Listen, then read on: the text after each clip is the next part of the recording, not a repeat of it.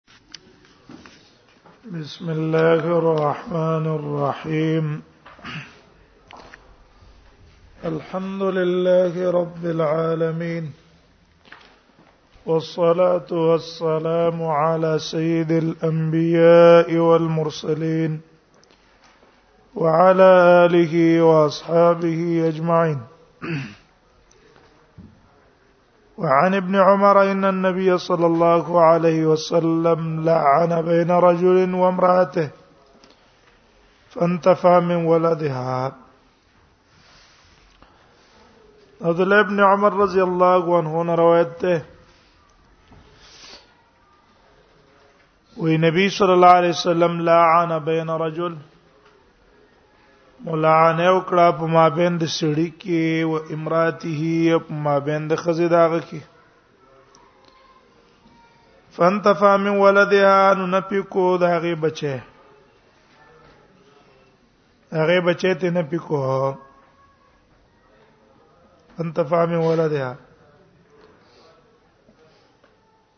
مسله دا ده چې د جمهور علما په نسبت باندې حمل چې په خېټه باندې او سړی را اولګې دو دا حمل د ځان نه نفي کو چې دا زمانہ نه ده دا نفي د حمل د صحیح ده دلیل په دا حدیث ته ګور فنتفا من ولدها ففرق بينهما دوی مخکې حدیث کې تیر شو نبی صلی الله علیه وسلم فرمایل انظروا وګورئ کچرتا فین جات بی اصحم ادعج دا بچی لا شوی نو په خېټه باندې نو د انتفاع کړی دا او نبی صلی الله علیه وسلم د خزی او د خاوند په منځ کې بیل عانو کو امام بن فرحم الله وايي وای چې په صورت د حمل کې لعان صحیح نه ده وای وجه دا ده چې کې دې شي دا سه انتپاخي خټه سه پرسیدلی او د د ګمان په د حمل له نو ځکه لعان صحیح نه ده ترڅو پورې چې یقیني پته نه لګیدلی لیکن قول د جمهور راجح ده دوه مسله دا ده فنتفا من ولدها جمهور علما وايي د یو سړي زوی اوشلو او دا به دا بچي ځان نه فکې نو شرط په کې دای چې نفي و فل فور کوي سم دواره انتفاع به د ځان نه کوي وجدا د چې اول کې ځان نه نفي نکړلو او رستو به نفي کینو دا دلیل پر آزاد ده او دویم قول نقل له امام بني فرحم الله نه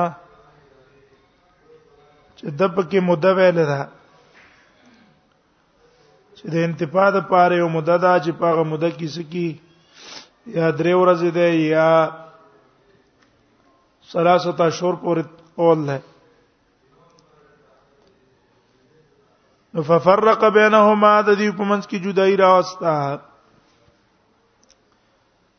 فرق بينهما بان امام بن في استدلال نه ولا چې په نفس لعان باندې فرقت نه واقعي تر څو پورې چې قاضي تفریق نه واقع کړه پروندا مسله مون بیان کړه لیکن جمهور علما او مذهب دا دی چې په نفس لعان تفریقه واقعي یا واقع کیږي پس د پراغت د خاون یا پس د پراغت د خزنه علی القولین اگر که ترجمه موږ اول قول لا ور کړه چې څنګه سړی لعان او کې اگر که خزې لعان نه ده کړه دې فرقت واقع کیږي ان دې حدیث ته جواب دا کړه ده چې ففرق بینهما دا تفریق نسبت نبی صلی الله علیه وسلم ته ذکر کړی دی چې دا اول تفریق دی نو نبی صلی الله علیه وسلم بیان وکړو چې ګوره په دې لعان باندې د خزه او د خاون په منځ کې څه واقع شو د خزه او د خاون په منځ کې حرمت واقع شو مؤبد او دا د یو بل نه جدا دي نو دا اول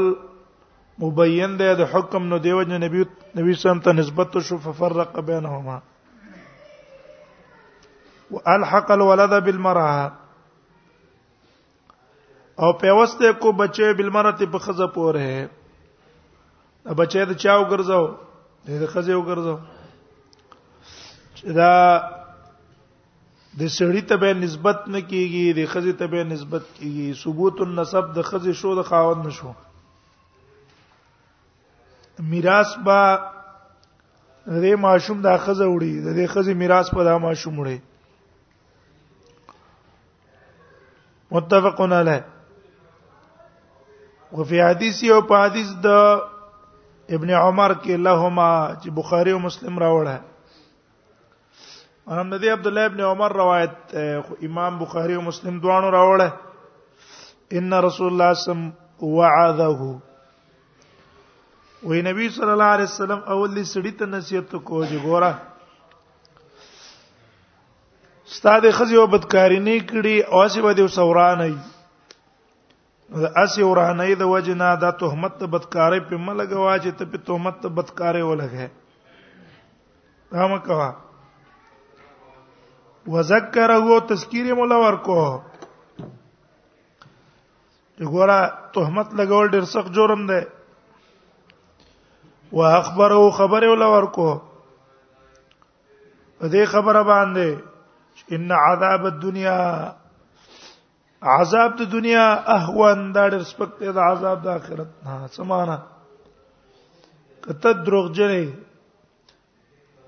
او ستا د خپل ځان تکذیب کو نو تا ته باتیا دوری درکړې شي دنیا کې به تا ته سزا درکړې شي د اتیا دورو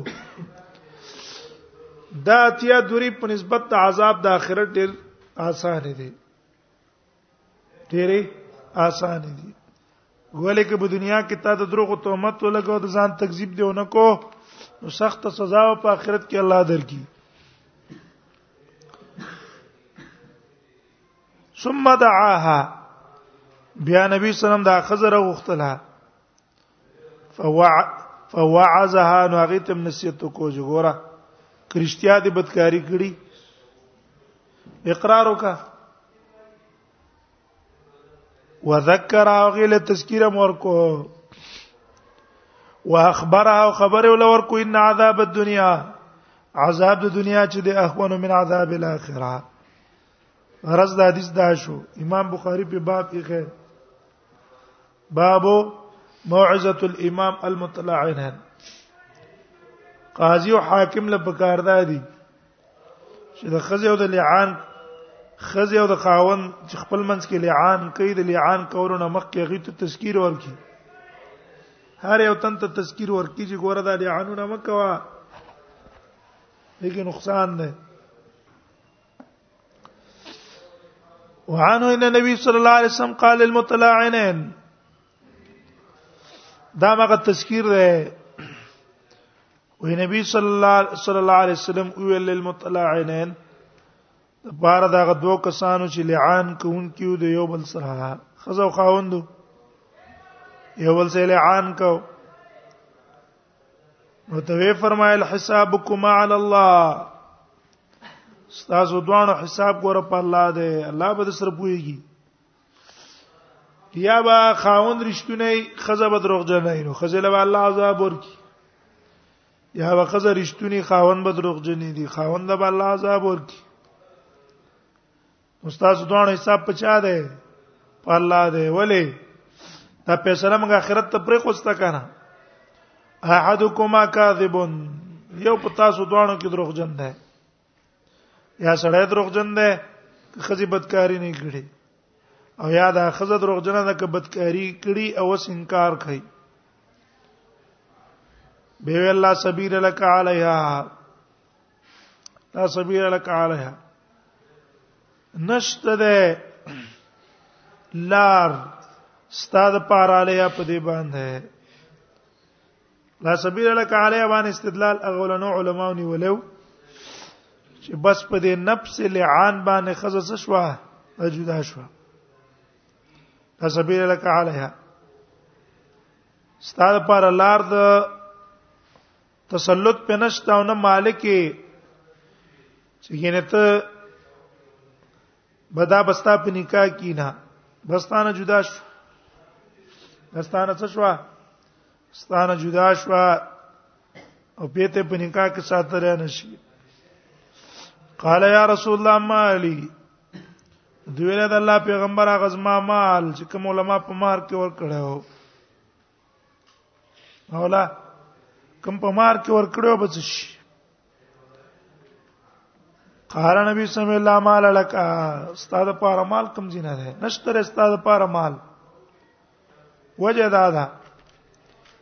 ان كنت صدقت عليها کته رښتیا په دې تهمت لګولو کې لګولای رښتیا ته او د خزي بدکاری کړي او ته رښتونه به هم تا ته مہر نه ملاويږي ولی فهو بما استحللت من فرجها نو دا مال ستان لاړو په سبب دغه چې تا حلال غنلې دغه عورت او څه پورې ته پیدا غستې منفعت ته غستې دغه په دې او د منفعت په عوض کې دا پیسې تانه لاړې اما هر دنه لاړو وان كنت كذبت عليها او که چرته تا دروغ په دې خزه باندې ویلي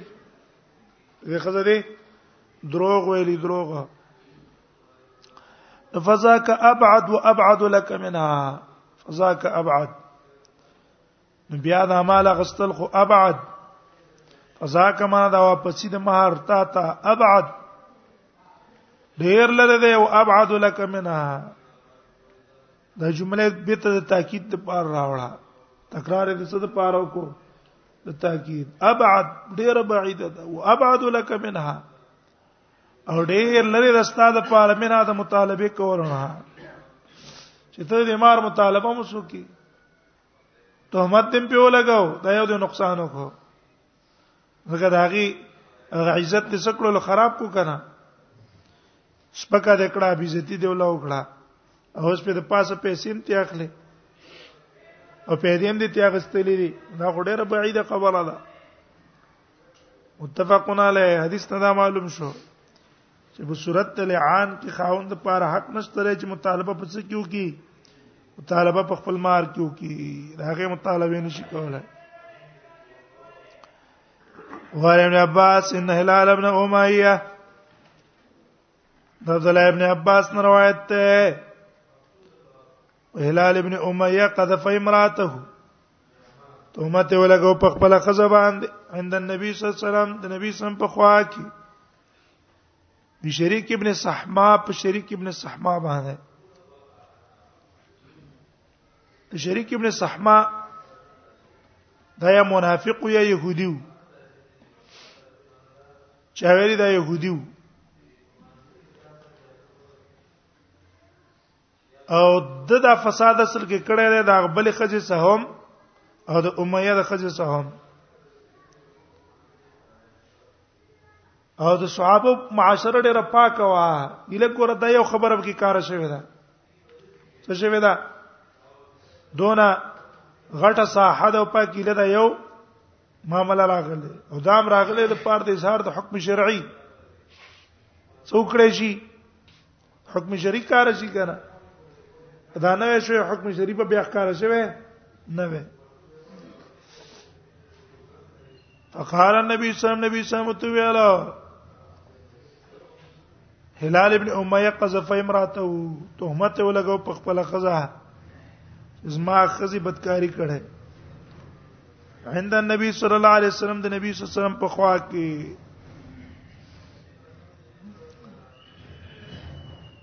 قال نبی صلی الله علیه وسلم بشریک ابن صحما په شریک ابن صحما باندې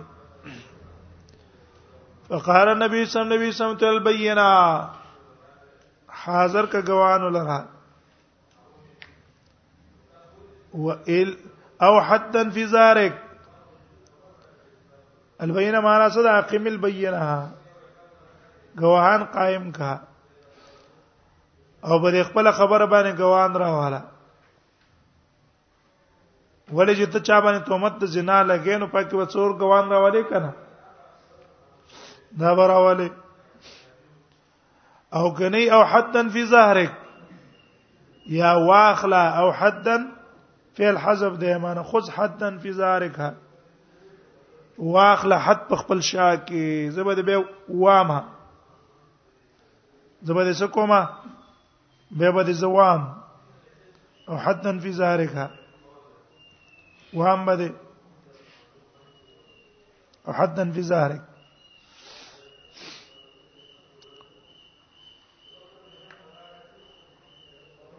بدا وخت لا نو نازل شوه ولی قران آیات خوشته کنه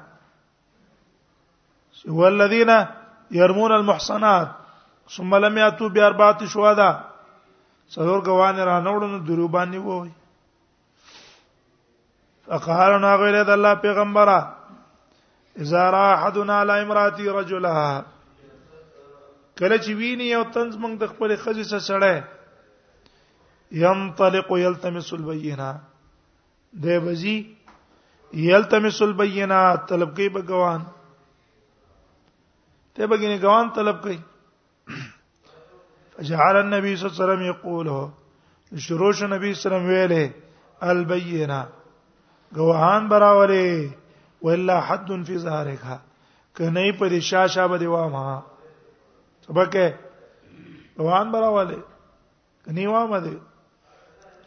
فقال هلال هلال ویل والذي بعثك بالحق قسم می دی پازا چې تی په حق لګل انی لصادق زرشتونه ما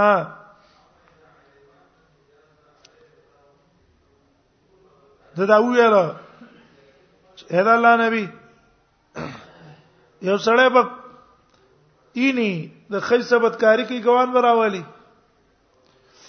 د عام خلک دا وایي چې ګونه دا د غیرت نه خلاف ده نه د ته شریعت په ست زرایا دا ګوان ترانه والے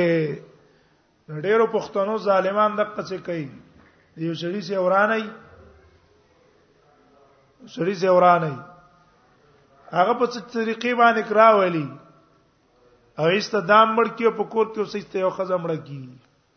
به سببا نه بدکاری کړی نه بل شي کړی او باندې جوړه کی چور موږ په څمړ کو بدکاری باندې مړ کو دا کسی کنه د اطرافو کې حکم ځکه کې چې دا قانوني هغه دا دوکې کې ډېرو د قصې کړې دي نه د دې ختمېدو د پاره شریعت ګوان ویلې دي څوک راشي څوک لار غلطه جوړ نه کی ځکه به ګوان راوړي احد فی ظهرک کنه زبده واما وان براواله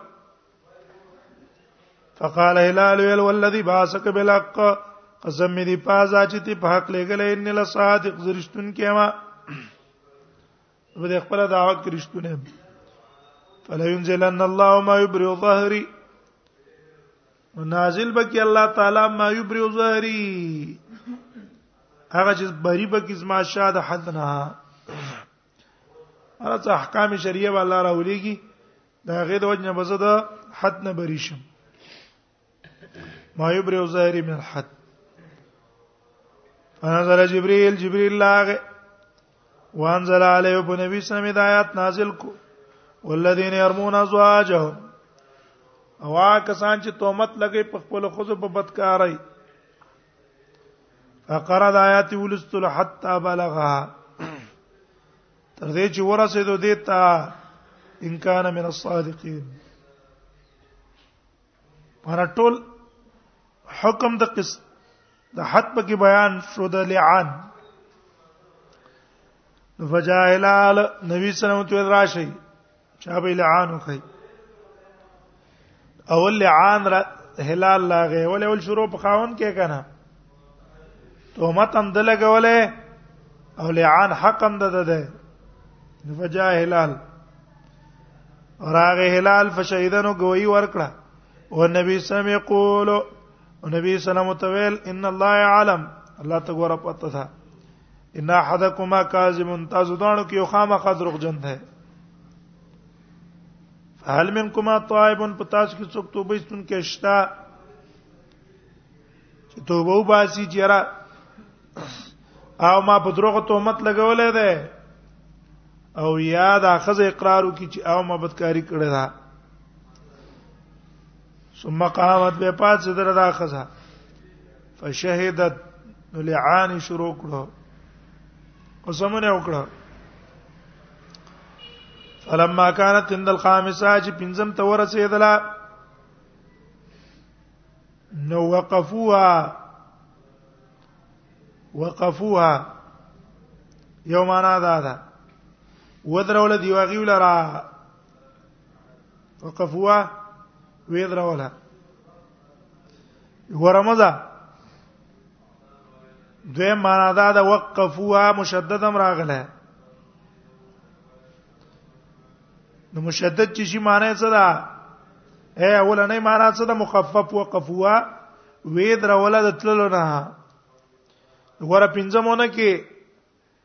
نو پنځم دی او کو د الله عذاب په در باندې راشي د الله غضب په در باندې راشي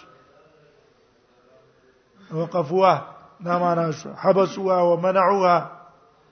بند کړه او منع کړه د ترونه په مخ کې چې مخ کې مزه دویمه قرت مشدد دی وقفوها وقفوها په معنا د څه ده اطلعوها دیو خبره کړه دی لرا ورته دا قسم کې و دې قسم کې دا جرم ده او دا ګناه ده مکه وقفوها خبره کړه غیلرا چې پنځم دی وکړو نو به دې پنځم په وجه په تا باندې عذاب راځي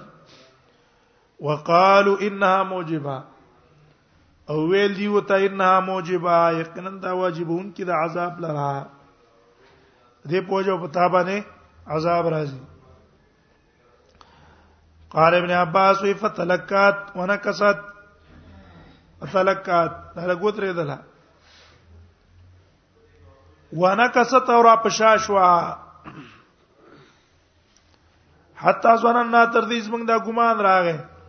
انها ترجع چې قنن دا د خپل خبره نه څه کوي دا د خپل خبره نه رجوع کوي دا اوس واپس کیږي ثم قالت بي ولا لا افزح قومي سائر اليوم لا افزح قومي زنه شرم خپل قوم سائر اليوم ټول عمر ساری یو معنا څه ده ټول ورځ مراد ته ټول عمر ده یا عمر الدنیا ابد الدهر معنا معنا ټول عمر نشم شرمواله چې زه خپل قوم د پاره دا پیغور پرې د مجګینی ستاسو لانکې خزه دا ستاسو د قوم دا غیبت کاری کړه دا فما ذات استلاړه قسم یو کو وقال النبي صلى الله عليه وسلم لبس روا ګورئ فإن جاءت بك حل العينين کچرته راړو دا بچي اک حل العينين تور سترګو والا انا دا سترګو سترګې تک تورې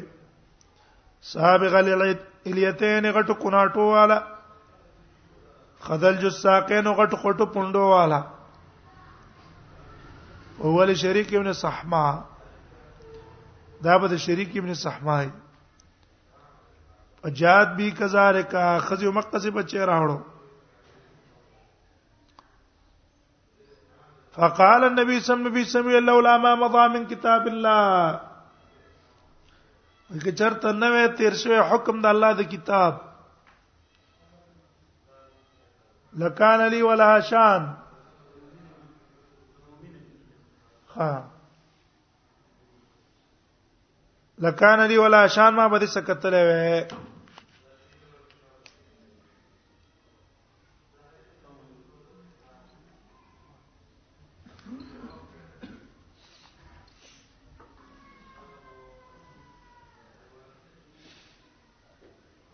السلام عليكم خير الحمد لله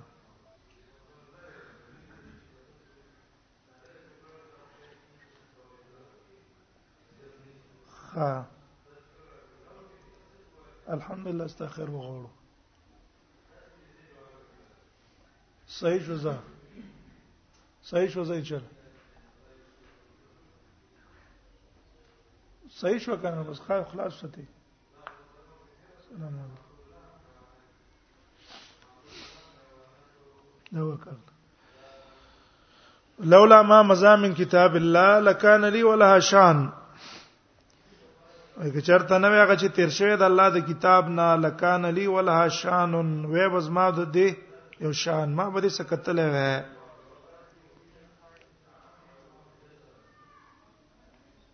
د حدیث نه معلوم شو لولا ما مزامن کتاب الله لکان لی ولا شان چې مقصد دا ده دل تخکارا مشابهت راغې د دې الک د دې صحما سره شریک ابن صحما سره دا دلیل دی په دې خبره چې د څه کړه ده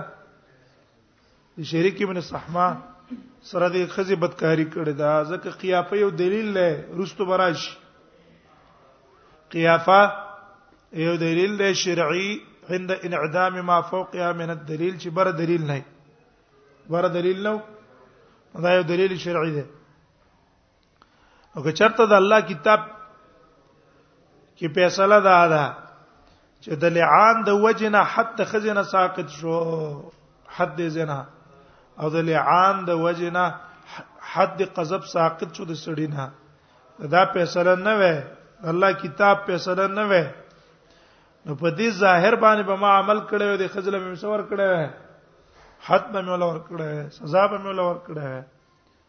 او قاعده دا ده چې کله حکم شرعي راشي نو د حکم شرعي د وجنه به څه کیږي د حکم شرعي د وجنه هغه پاسنه ظاهر پر خوستل کیږي څه پر خوستل کیږي ظاهر پر خوستل کیږي اوس په ورسېدلې لولا ما مزامن کتاب الله وکړه چرته نوې تیر شوی د الله د کتاب نه دا حکم الله کتاب دا دی چې رات په دې ټیم کې هغه ساقط ته لکان لري ولا شان وې بس ما د دې پر شان ما به دې سکت له به د حدیث د جملې نه دا معلوم شو چې په ظاهر باندې سړی عمل کولای شي چې کله څه نه وي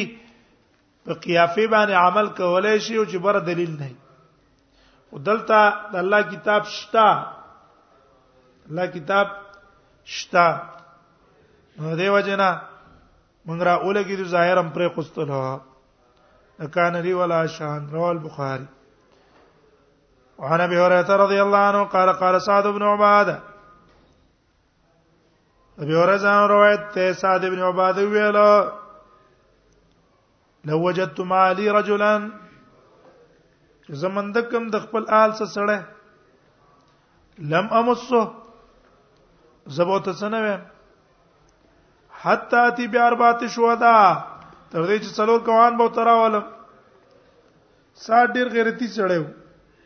تر دې چې ته به یو خزه وکړو طلاق به کړه خزه به چانه شو کوله دا زما خزه رته څنګه کې نو لولا وځب ګوان پر اولم حتی تی بیا بات شو ده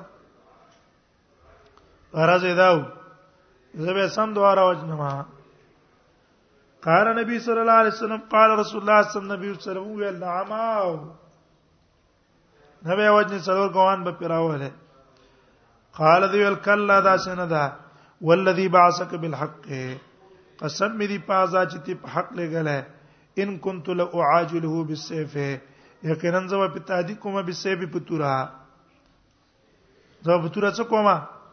تهذیب په کومه قبل ذالک دینه مخکې ان كنت لاعاجله بالسيف قبل ذلك دینه مخکې مخکې په مړکو مې قال رسول الله صلی الله علیه وسلم نبی صلی الله علیه وسلم فرمایل اسمعوا الى ما يقول سيدكم وقتی تاسو د تاسو سید څه وایي انه لغیور دام غیرتی ده وانا اغیر منه زدن ډیر غیرتی ما والله اغیر مني الله زمان ډیر غیرتی ده ورل ته صفت د غیرت الله لم ثابت شو صفت د غیرت نبی صلی الله علیه وسلم او سعد لم ثابت شو یو غیرت ته زمنګ په حق مبارکه انسانانو مبارک غیرت سي هجان وانزعاج تجده الانسان من نفسه دا راپورته کیدل دي د انسان چې باعث کې دلاره په څه باندې په سیانت الحرم د انسان دا عزت په ساتلو باندې ومنعهم من الفواحش ومقدماتها او د فواحش او د مقدمات په نوم منع کوي ٹھیک شو او الله تعالی چې ده هغه خود سي انعاج انزعاج نه خو پاک ده پاکه هیجان ناراضي نو دا الله په نسبت غیرت څه دی منع عن الفواحش د فاحشاتو نه منع کول دا د الله غیرت ده چې دا کارونه باندې کوي دا نه کوي او کچاغه وکونو الله غیرت دا دی چې به ول عذاب په ور کوي الله غیرت څه ده عذاب ور کول عذاب ور کول